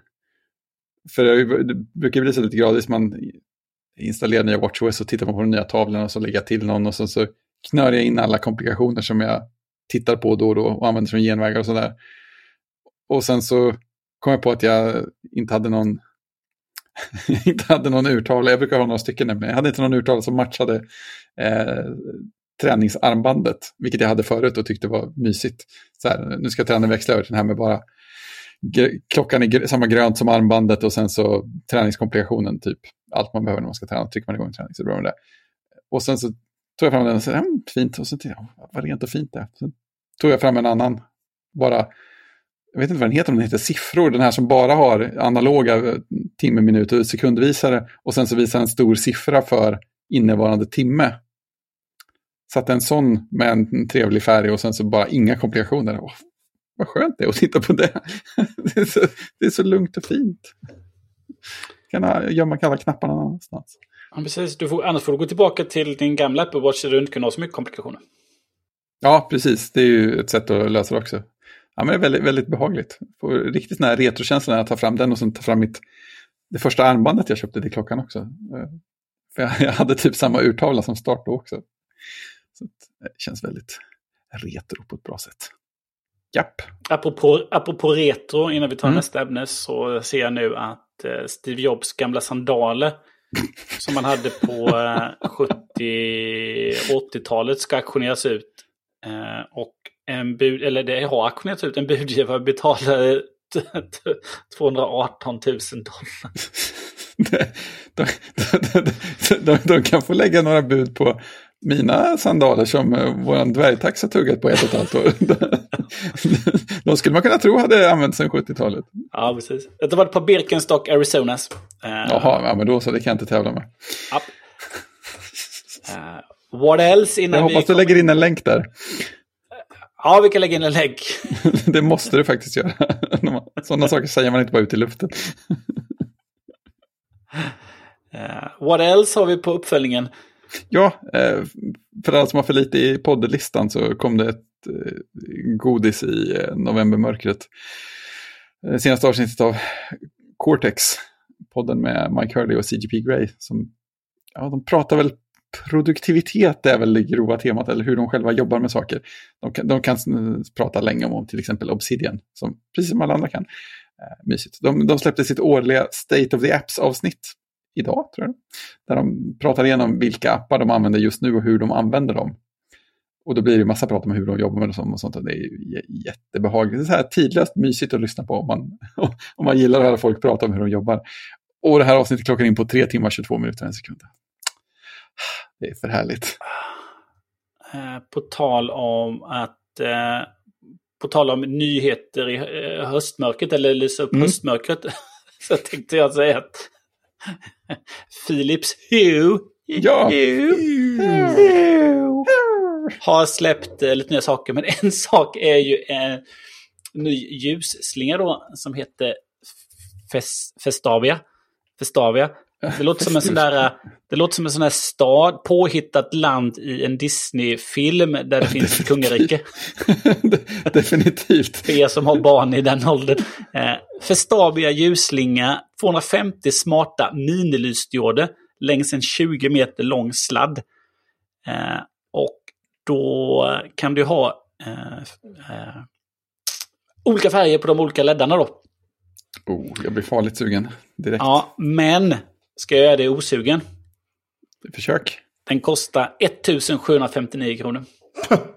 ja, jag hade väntat mig värre faktiskt. Men eh, det känns som att den är gjord, alltså 20 meter, 250 LED, det känns som att den är gjord för en sån där eh, amerikansk julgran. Och inte för en vanlig standard svensk. Det är just det, skitlångt om man ska ha den i granen. För det ser, det ser ut som sådana här äh, lampor. En sån här vanlig standardslinga som du äh, sett i ja, julgranen. Då. Ja. Och de har massa bilder på julgranar, men det ser väldigt amerikanskt ut. Stort och amerikanskt. Ja, ja jag kan... Äh, och så kan man synkronisera musik till det här. Det är jättespännande. Ja, oj. Eh, farmors lilla kråka och din Festavia ljusslinga med 250 LED som blinkar. Det är fantastiskt. Ja, det är fint. Eh, vi lägger länk till de som vill köpa den. Eh, Okej, okay, över till dagens ämne. Eh, Öredev ska vi prata om nu. Ja, just det, det får väl... ja, det får vi väl prata om eftersom det var anledningen till att det inte blev ett avsnitt mm. förra veckan. Antar jag. Jag har gjort en lista här med 25 punkter. Nej, det var ju... Ja, det där var ju en utvecklarkonferens som jag brukade, känns det som att man får säga, just för tillfället, åka på varje år och göra intervjuer med talare som jag sen släppte i Kodsnack och andra intilliggande poddar tidvis. Eh, sen var det ju pandemiuppehåll. I, ja, två år måste det ha varit. I suppose. Jag minns knappt hur det var sist. Eh, jo, två års uppehåll. Så, så nu känns det som att det var otroligt länge sedan och så vet man ju inte, ja, hur, hur, hur är det här, hur gör man? Kommer man ihåg hur man umgås med folk tre, tre dagar i rad och allting? Det verkar jätte, jättemärkligt. Men eh, ja, den stora spoilern är att det, det kändes ju precis som vanligt. Det, var, det är ganska trevligt med en stor konferens. Framförallt den första, första morgonen när man kom in och gick bort till eh, baristahörnet med killen från Sandby kafferosteri som gör en fantastiskt god eh, vilken kaffe man vill åt den. Och så står man med sin kopp där på, på golvet och ser folk komma in och ta en macka och så känner man att nu, nu är det ändå lite ordning i världen igen här. Oavsett allt annat konstigt som händer. Så här, just här, i det här hörnet, där är det lite ordning igen. Så att, ja, jag kan rekommendera att åka på konferens om man får, får chansen. Det, det är fortfarande roligt. Och det gick bra med intervjuerna också. Det var flera stycken. Jag gjorde åtta, åtta intervjuer flera stycken av dem eh, trillade så spontant på ren personkemi in i ett sånt klassisk kodsnack, tillbakalutat, lagom flummigt utvecklarsnack åt alla möjliga håll. Så det, var, det var, var väldigt bra, maximalt bra utfall. Och sen så, så, träffar man folk öga mot öga också. Det, läskigt. Det är intressant. Ja, det, det, det är ovant, men, eh, men ganska trevligt. Även om man är ganska slut i huvudet efteråt. det är en eh, konferens, va? Japp. Och, ja, och så var det så här talarmiddag kvällen innan och lite så här avslutning. Eller ja, det är en så här fest, lite mer dricka öl och stand-up eh, underhållning på kvällen på onsdagen också. Så det är flera, flera tillfällen. Torsdagen är lite mer avslagen och slutar lite tidigare än dagarna innan. Så det brukar vara på fredagskonferenser också. Men... Eh, ja, det är väl roligt att du får komma ut och röra lite på det.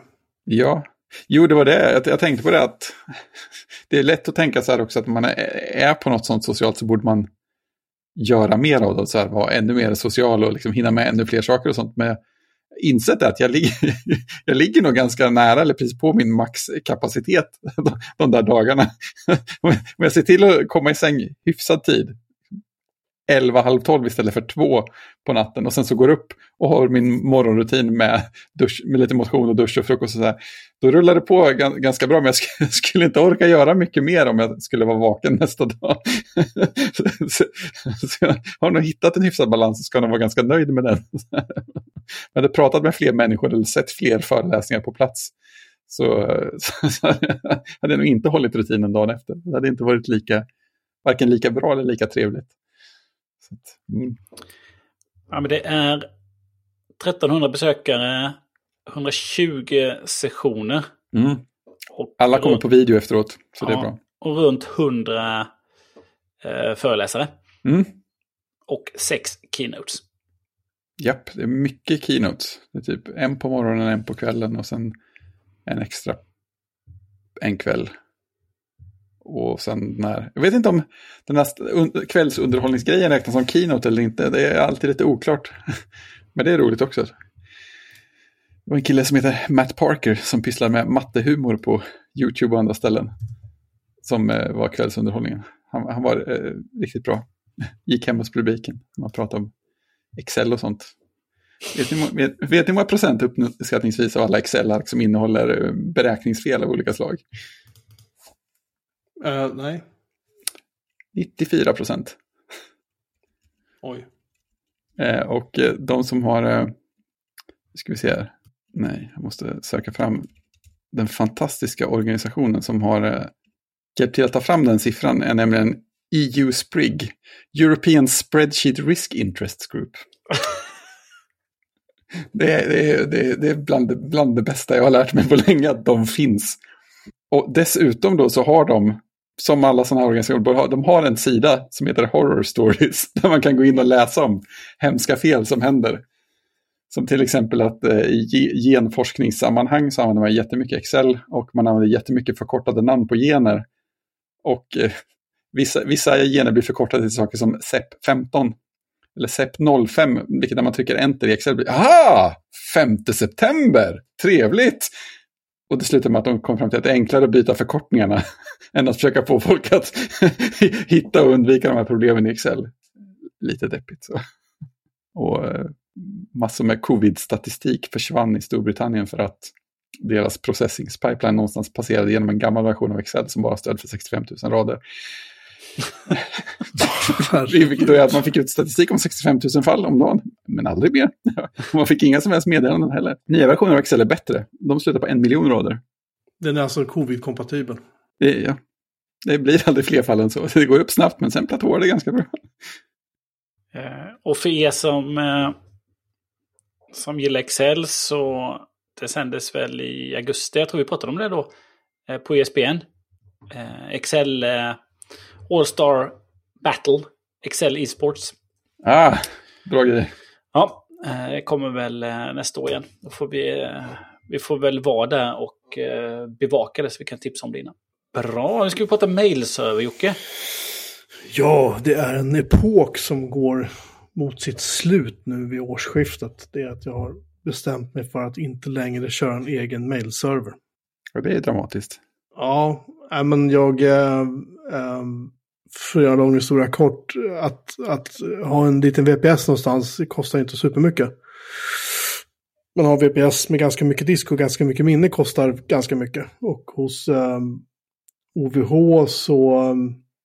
Um, där jag har haft, jag har två VPS, dels en som har den här vår webbsite och en, en som har då mailservern. Vår webbsite kostar kanske en hundring i månaden i runda slängar. De, höj, de har höjt priserna lite grann på grund av ökade elpriser och så här, men det är väl drygt 100-120 kronor i månaden. Någonting. Det, det kan man ju leva med, men mailservern kostar ju liksom tusentals kronor om året. Ja, det är så pass. Det är två, två och ett halvt tusen någonting om året att ha. Eh, Det plus att jag kör ju då iRedmail på en ganska gammal version och att uppdatera iRedmail är om man halkar efter, vilket jag har gjort, eh, Som man gör. inte roligt för det kräver liksom, Um, alltså vi pratar lätt arbetsdagar för att patcha och patcha och patcha och liksom patcha små komponenter och det är, det finns liksom ingen, ingen rak uppgraderingsväg eller här, kör bara det här verktyget eller det här paketet så kommer allt bara ordna sig. Nej, utan det är massa, massa komponenter. Och det här är ju nackdelen med gratis mjukvara förstås, liksom, äh, i ett nötskal. Och jag bara känner att jag orkar inte och jag vill inte ligga och köra mail på en gammal liksom, mailplattform med gamla... För jag vågar liksom inte uppdatera servern heller, för då kommer den uppdatera komponenter som iRedmail bygger på som den inte kan använda och så vidare. Och så vidare. Så jag har bestämt för att jag ska helt enkelt pensionera den. Um, och eh, det jag har löst för min domän med din.org är att jag eh, kör eh, Cloudflares, deras mail eh, routning eller vad man ska kalla det för. Så att jag routar alla mail som kommer in då till, eh, till eh, min mor och min far och mig och, och så vidare. Och så vidare. Eh, skickas så till deras iCloud-lådor istället. Då Jaha. kan man ju tycka, varför lägger du inte in det som en uh, maillåda i iCloud istället och liksom lägger domänen där? Jo, det går alldeles utmärkt för alla familjemedlemmar förutom mig. Eftersom jag har tidigare haft ett iCloud-id som heter joakimmetmelin.org. Som jag sedan raderade. Och Apple säger då, jag, det här har vi pratat om tidigare, men det tål ju att retireras igen då. Att, eller det itereras igen, upprepas igen. Att um, har man en gång haft ett iCloud-id med en viss mailadress så även om man raderar kontot och Apple säger så här, men vi raderar, oj oj oj, så här, så finns det ändå kvar. De lagrar mailadressen. Um, troligtvis för att ingen annan ska kunna lägga ett konto med samma adress. Och det är, väl, det är väl fint på ett sätt, men nackdelen är att de säger att vi kan inte ta bort det här. Så jag kan inte lägga upp den som en custom domain hos, eh, på iCloud Plus, vilket jag helst hade gjort. Mm. Eh, och jag har tittat på att liksom hyra in mig och köra på, eh, på Gmail eller på Outlook.com eller Office 365 eller massa andra leverantörer. Och det, är liksom, det landar hela tiden i så här att det kostar inte så mycket när du har få mejl, men när du har många mejl, vilket många av mina kära familjemedlemmar har, ehm, då blir det helt plötsligt dyrt. Och dessutom är det så att om man multiplicerar det med antalet människor som behöver ha mejllådor då, så blir det dyrt. Och jag tänker inte gå till mina exempelvis tidigare svärföräldrar som båda är pensionärer och säga, de har ju inte så fett liksom. Och säga att tja, nu ska ni pröjsa så här 50-60 kronor per skall och månad för att ha en jävla mejladress liksom. Stötta mig på Patreon. Vad sa du? Stötta mig på Stötta Patreon. Patreon, precis. Stötta mail, stötta, heja världen. Just det, stötta mig på Patreon. Så stötta mig och mina släktingar och före detta släktingar. Eh, nej, det tänker jag inte göra. Jag är less på att hålla på och underhålla det här. Jag har inget intresse av det längre och jag har ingen ork eller energi heller att hålla på liksom, och göra det. Hade jag haft kvar min, min gamla egna fysiska server eh, i den kolocken och hela den biten som jag hade tills den brakade. Så eh, då hade det varit en annan pilsner. Liksom, för då hade jag kunnat sätta upp vad fan jag ville på den och köra. Jag hade kunnat sätta upp en exchange som jag hade velat att köra. Gud förbjude. men men eh, ja, skitsamma. Hur som helst så, så det känns ganska skönt att ha tagit det beslutet. Jag använder min mac.com mailadress nu för att mejla folk. Och hela den här Cloudflare-routningen funkar svinbra. Det går jättefort att få in mejlen. De spamfiltrerar ju inte heller å andra sidan. De skickar ju bara vidare. Liksom. Ja. Men de är också väldigt bra att de säger så här, okej, men uh, mejladresser då som inte är definierade här, vad gör vi med dem då? Bara drop, säger man bara. Mm. Så, klart. Fridfullt. Så det, det känns nice, Mm. Tycker jag. Det. En... Men det är klart att det, det är ju lite bök. Det är ju massa mejl som ska migreras åt folk igen. Eh, sen har man ju den där, någon, någon person hit eller dit som har legat gratis där alla år. Som, som istället då för, när man meddelar, säger då att du, har, du måste flytta din mejl. Så det är inte så att det kommer tillbaka och säger, ja men shit, du kan hjälpa. Utan det blir bara så här, jaha, Mm. ja det var ju tråkigt. Typ. Och sen ingenting mer. Då inser man ju så här att tack vad man blir tagen för givet liksom. Det blir ju lätt så när man kör mailhosting. Och någon kompis vill ha maillåda, sen vill någon kompis kompis ha maillåda och någon behöver hjälp för att de har startat något företag och bla bla bla bla bla liksom. Mm. Ja, det är några åttonde liksom. Så att det är lite så här, det är, det är rätt skönt på sätt och vis att slippa känna också att man går runt och känner så här att man blir, jag vet inte om utnyttjad är rätt ord, men ni förstår vad jag menar. Jag är hostad. Ja, men ja, precis. Förlåt Christian. Hur som helst, det känns jätteskönt eh, att bli en normal, eh, alltså normal nu du kan bli, men bara ha inte en, inte en massa skit att hålla ordning på. Jag har min Mastodon-server kvar, typ, det jag har. Liksom. Och den, är, den, är, den vill jag gärna fortsätta, den har vi nytta av också, den, den ska finnas kvar. Liksom. Eh, men i övrigt känner jag bara, äh, det räcker nu. Liksom. Ja, så är det med det. Enda reflektionen jag gör är ju om, om Apple sparar adressen. Uppfyller de då GDPR? Fast nu ligger ju den i USA, bla bla bla. Men det är ju jätte, jag tycker det är jättekonstigt att, eh, man bara, nej men eh, jag ångrar mig, jag vill ha upp ett iCloud-konto igen på den här adressen. Nej, det får du inte. Nej, det får du inte. Då är det kört. Och, och det roliga är att jag bloggade om det här för när jag kollade på det här första gången. Och jag pratade med Apple Support också till och med. På telefon av alla ställen.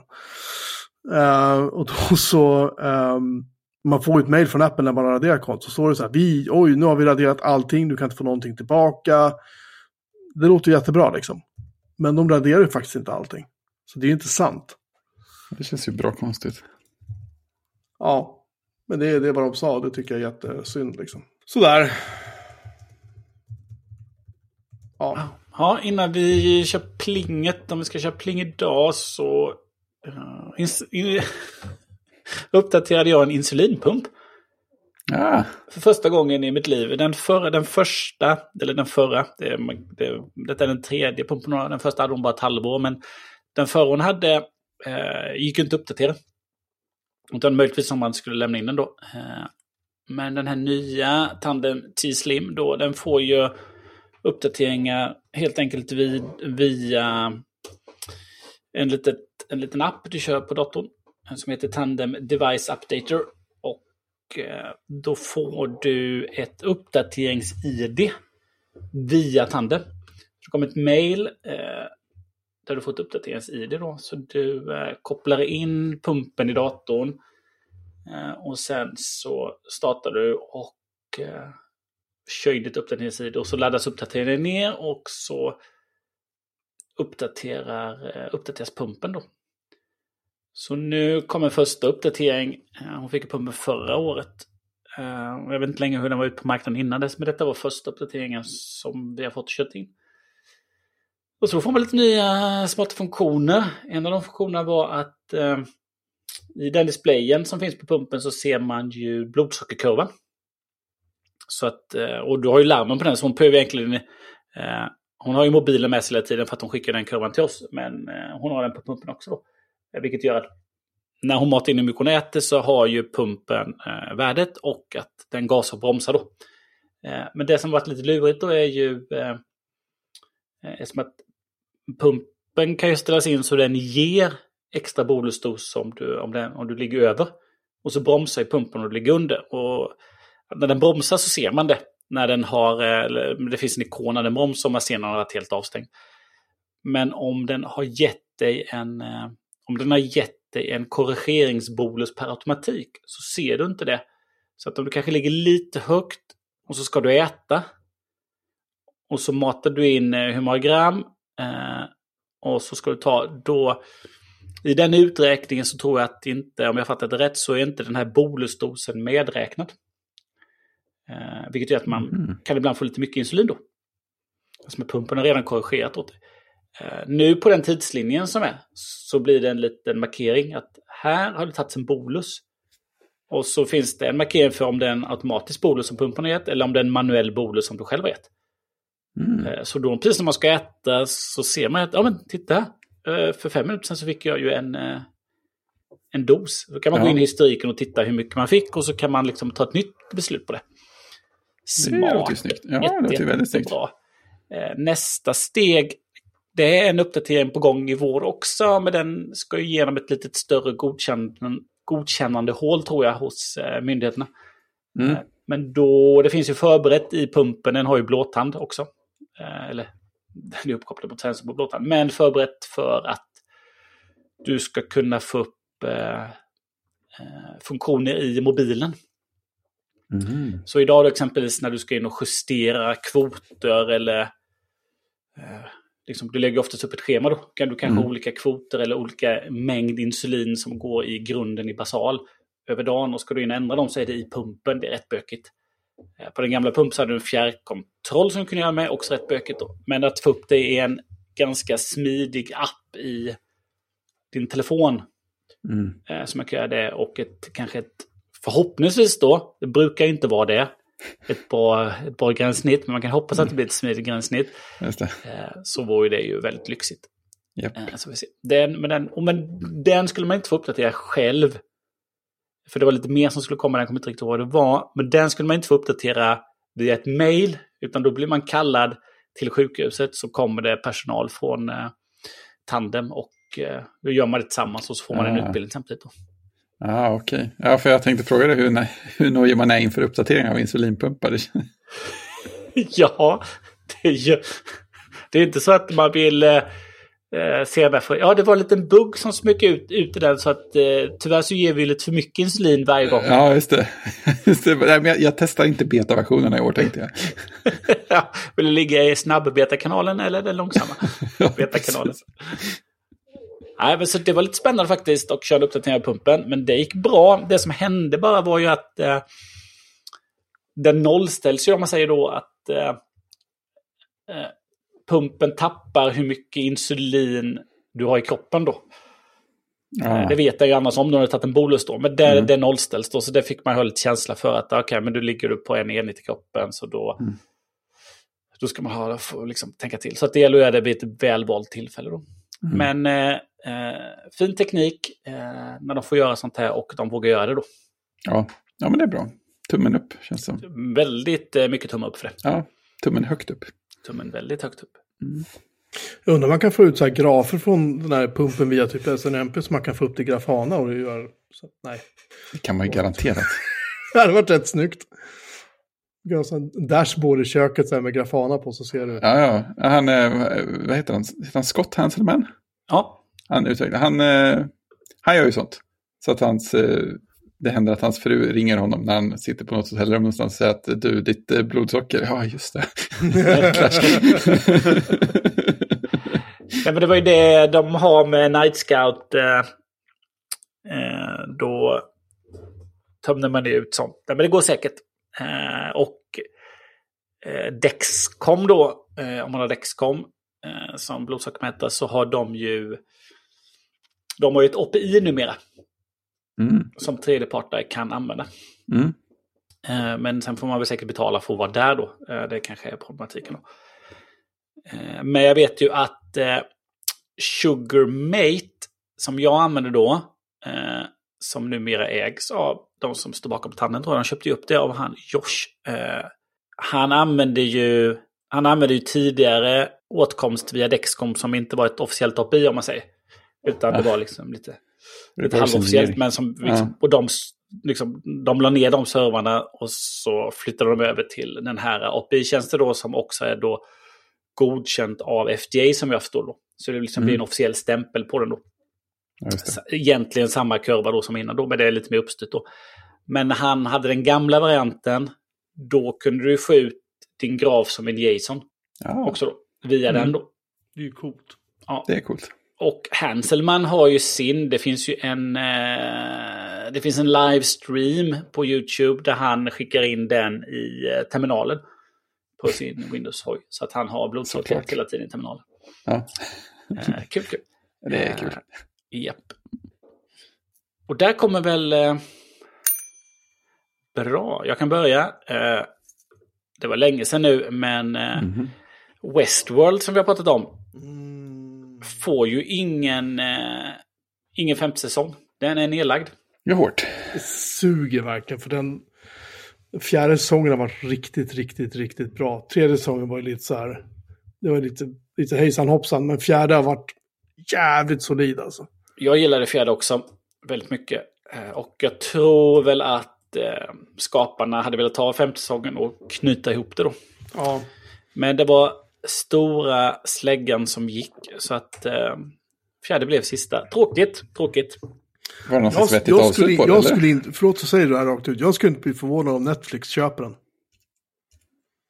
Nej, det Och gör, inte. gör en femte, de har gjort det förut, plocka upp serier som har lagts ner och så gör de en säsong till. Vad heter den här um, science fiction um, typ, Stranger Things? Den lades väl ner va? Och så plockade Netflix upp den och gjorde väl en, de skulle väl ha två säsonger till tror Det jag. En säsong har ju varit, har släppt dem just, så ska det komma en till tror jag. Det blir ju värsta succén för dem. Ja, den var ju stor. Det kommer ju en sista säsong. Någon gång snart. Nej, Men, men Stranger Things är väl en, inte det Netflix original? Mm, Ja, men jag undrar om det inte kom något. Ja, alltså man, hmm. Ja, men Netflix har gjort andra grejer i alla fall. Det känner jag igen. Ja, men de har ju köpt upp andra. Eh, nej, men the first season was released on Netflix on Ja. July Ja, det kanske var det. 2016. Men de, de har köpt upp en annan serie och, eh, och gjort fler säsonger. Eh, det är helt sant. The Killing. Arrested Development. Ja, den har de vet jag att de gjorde. Gilmore Girls.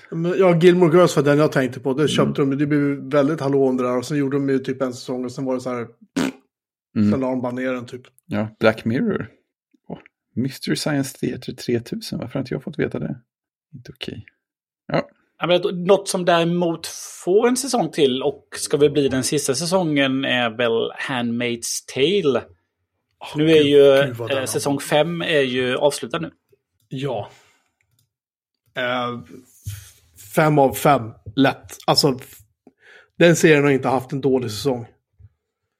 Sen den började. Alltså den, är, den har varit otroligt eh, gjuten och fantastiskt bra från första avsnittet.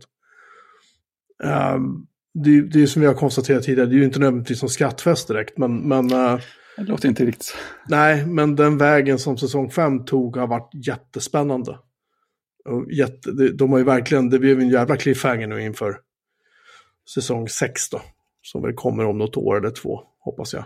Ehm, nej, jag är jättenöjd med den. Jätteglad över den serien. Och den, som sagt, det är ju ingenting man ska sitta och garva åt eller tycka att oh, vad så. Innehållet i sig är ju ganska obehagligt, men som, som, ett, som ett hantverk är den jävligt bra Mm. faktiskt. Jag har faktiskt funderat på att se om den från säsong 1 eh, igen. Det är ett bra betyg. Ja, det, det är en total 5 av 5 kan jag Mm. säga. Ja, men det är en sån serie som man, som man tänker så om. Eh, Jag tycker också att det är väldigt, jag har sett klart sist också. Och eh, mm, otroligt bra. Eh, rekommenderas helhjärtat. Ja, verkligen. Någonting som vi inte rekommenderar helhjärtat är kanske Demolition Man. Jag kommer ihåg när Demolition Man kom. Ehm, för jag minns att Sting gjorde, han gjorde en remake på låten, polislåten Demolition Man. Eh, det var ju då filmmusiken. Och så släppte de det som en EP med lite så här andra roliga så här live tracks och grejer som var så här. Det var ju kul att höra. Så jag var väl inte jätteförtjust i den här remaken, men, men det är en annan historia. Eh, men jag tyckte väl filmen var rätt okej, som jag minns den. Eh, den, och- men nu när man ser om den så, så jag summerade det att aldrig har ju så många kulor träffat så lite. För, ehm, vad heter han, West, nej, han heter Wesley Snipes va? Ja. Och eh, Sylvester Stallone då, eh, Snipes spelar ju boven och Stallone spelar polisen. Och de skjuter på varandra, jag vet inte hur många hundratals skott de skjuter mot varandra i den här filmen. Och liksom ingenting träffar, ingenting i närheten av att träffa. De, alltså, de hade ju alltså, de hade inte ens träffat en laggård om de hade stått inne och skjutit inifrån och ut. Med stängda dörrar. Alltså de, det är helt ofattbart. Ehm, det är mycket, du vet, så här, eh, när någonting exploderar så kommer Stallone och springer, springande så här, då skriker han. Så här liksom, vilket är idiotiskt, för då tappar man energi när man springer. Det är mycket så här, kasta sig genom luften och skjuta samtidigt, eh, vilket ju är helt idiotiskt, som att bli en stor jävla måltavla. Alltså filmen är så jävla korkad. Eh, den har lite kul små poänger. Sandra Bullock är faktiskt ganska rolig i den, måste jag ändå säga. Eh, hon har lite så här bra one-liners liksom. Stallone är ju, ja, han är ju Stallone. Så, sådär men nej, den, den, ja, den dök upp på HBO tror jag det var. Nu. Och ändå såg att det var typ så här, eh, den var typ topp tre mest sedda i Sverige på HBO Max när det dök upp. Ehm, så att det finns en risk att ni som har HBO Max ser att den där dyker upp och jag kan väl bespara er med att säga att den får två av fem i betyg och eh, ni behöver inte se den. Bara. Den är skitkorkad, så jävla dålig. Den, eh, den lever ett väldigt kort tag på topplistan antagligen. För den dyker upp och bara oh, den här var väl bra va? Ja. Nej, visst ja, det var den ju inte. Men den enda takeawayen jag kommer ihåg från den egentligen, eh, det är ju ett, Wesley Snipes eh, ska väl ta ut en... Han står och pratar med en automat, ger den honom pengar eller någonting, ingen aning. Eh, det är väl en sak jag minns. Och den andra saken är ju då eh, när eh, eh, Stallone ska ha, då sex med Sandra Bullock. Ja. Hon tar på sig någon järngrej som har virtuellt sex. Men han visar henne en, en, en, det gamla sättet. From the 90s, eller vad han kommer ifrån nu då, det vet jag inte. Eh, nej, precis. Och sen, sen eh, nej, jag tror att det är Stallone som ska gå på toaletten. Och de har ju, då, de har ju avskaffat toalettpappret till förmån för tre stycken eh, eh, vad heter det, snäckskal. Det förklaras aldrig på något sätt hur det där faktiskt går till. Men, men, eh, och varje gång du svär eller säger någonting så kommer det som en liten böteslapp ut ur någon närliggande automat. De sitter lite här och var i den här filmen då. Eh, och så Stallone går ju fram helt enkelt och ställer sig och svär och svär och svär. För att han har en helt näve av de här papperslapparna. Bara, Bra, nu ska jag gå på toa liksom. Djupt, djupt. Det låter ju jättebra, jag måste titta på det. det, här, det här var också en av de sista filmerna misstänker där tobaksbolagen hade produktplacering. För att ehm, Marlboro, alltså cigarettmärket Marlboro, förekommer i bild flera gånger. Och när Stallone då tinas upp för att eh, komma tillbaka som polis då i år 20, vad det nu var, 49 eller någonting. Så säger första han säger är så här, give me a Marlboro. Och de är så här, va? Han bara, men en cigarett, vad som helst liksom. Och Wesley Snipes går runt och röker Marlboro. Det är så här, det är jävligt uppenbart, jävligt sunkigt liksom. Så att, nej, jag, jag är, uh, nej, fy fan vad dålig det är. Usch. Oerhört dålig, men jag såg det mest bara för att jag tänkte jag måste ju garva liksom. Och jag garvade ju, fast jag garvade åt fel saker. kan man säga. Ja, nej, eh, det var väl det hela. Good stuffs. Mm. Nästa, vecka, så, nästa vecka ska vi prata Andor. Ah, För då tror jag att den har tagit slut. Jag ser ju alla avsnitt som dyker upp med min son varannan vecka. Så att vi brukar beta av två, tre avsnitt. mm. Jag tror att den börjar närma sig slutet nu. Och den har varit jävligt bra. Jag vet att det, den har inte varit någon succé tittarmässigt sådär. Men det är en av de bästa Star Wars-serier jag har sett faktiskt. Jag eh, bara slängde iväg kontrollfrågan om, vi, om det är så att vi behöver en sån eh, Philips Hue ljusslinga Mhm. hemma. Jag fick snabbt svaret nej. Som andra ord så har du, du har redan beställt den. nej, nej, det var jag faktiskt inte. Då är, nästa, då är nästa fråga till dig själv, behöver jag? Ja, Ja, ja, precis. Jag har ju ett arbetsrum. Vänta. Ja, alltså, ja, villhöver. Det är väl ett... Det är väl ett Nej, det är faktiskt lågt villhövervärde ändå på den. Det beror på om folk gör roliga hacks med den. det finns ju eh, säkert eh, jättemycket billigare slingor som gör samma sak. Men de kan du inte koppla upp antagligen till HomeKit. Då. Nej, Eh, precis. Det är för det. Men eh, det är ganska mycket pengar kanske för en slinga som eh, används en månad om året. Ja, man får ju fortsätta. Man får ha granen länge helt enkelt i Sverige. Ja, jag la en plastgran, den kan stå Ja, året om. precis. Kombineras med fördel med plastgran. Alltså den är ju skitläcker. Ja, Fan också. Och dyr också. Och Ja. bra åt helvete. däremot så kan jag väl tänka mig att eh, LED-strips är trevligt. Jo, Mm. LED-strips. Och sätta Ja. under eh, tv-bänkar och grejer. Om man, eh, vänta nu, nu ska vi hjälpa Fredrik att motivera det här innan vi slutar för idag. Det är så här, den kostar art, ja, 70 1760 kronor. 200, och det är så här, tänk så här, du behöver aldrig någonsin köpa julgransbelysning igen. Du behöver aldrig Nej. någonsin byta trasiga lampor i din julgransbelysning igen. Plus att den här drar säkert mycket mindre ström än din vanliga julgransbelysning. Ja, visst. Det är det Och visst. den ersätter ju faktiskt egentligen julgranskulor och glitter också, vilket gör att det är mycket, mycket enklare att klä av granjäveln när du ska kasta ut. Just det, man, man, man säljer alla sina julgranskulor på, på Tradera så man tjänar en slant. Eller hur? 40 meter glitter liksom. Det är ju Ja. så här, det är ju tusen spänn bara där. Ja, visst, visst. Så att det här räknar du hem på nolltid. Ja, ja, men det är bra. Jag ska sätta min ekonom i arbete på det här.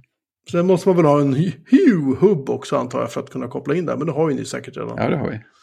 Det har inte jag. Det har inte jag. Det räcker med hubbar känner jag. Det är ju det det aldrig gör. Det är det som är störigt. Ja, Kanske. Kanske när Möter kommer. Eller något. du får mer komfort med Hue. Det är välmående. Belysning för Mm. välmående. så. Uh, undrar du kan ha den där utomhus förresten. Jag tror inte att den är ratad för utomhus. Om den inte, det brukar stå väldigt tydligt på de grejerna som är utomhusratade. Så att jag skulle säga att den här inte är det. 0 till 35 grader. Lämplig för användning inomhus säger den när det gäller drifts, driftsfuktighet. Vad är det för jävla ord? det, det kom vi på precis nu. Och den drar 15 watt. Mm.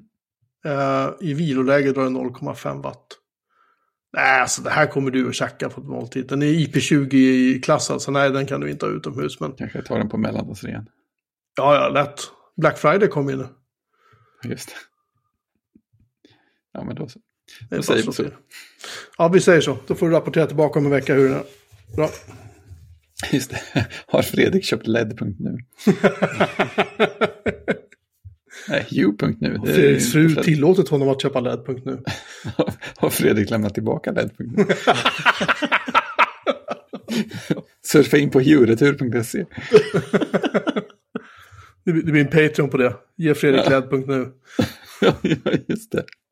Ja, tack så mycket för att ni har lyssnat allihopa. Eh, vi är tillbaka om en vecka igen. Eh, och eh, besök gärna vår hemsida, euromanmedin.se, för alla andra dumheter.